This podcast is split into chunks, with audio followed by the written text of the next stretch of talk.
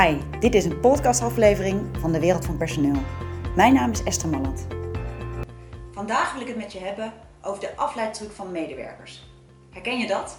Dat je een functioneringsgesprek met je medewerker voert, hem aanspreekt op zijn functioneren en dat je medewerker je probeert af te leiden door het gesprek niet meer over hem te laten gaan. Hij gaat dan wijzen naar andere collega's die hetzelfde doen of zelfs erger.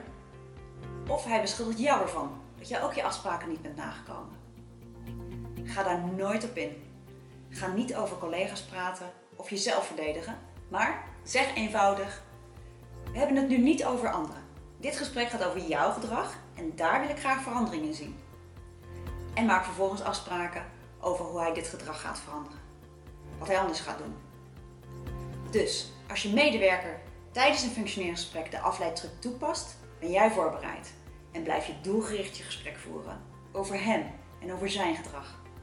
Nou, dat is mijn persoonlijk advies vanuit de wereld van personeel.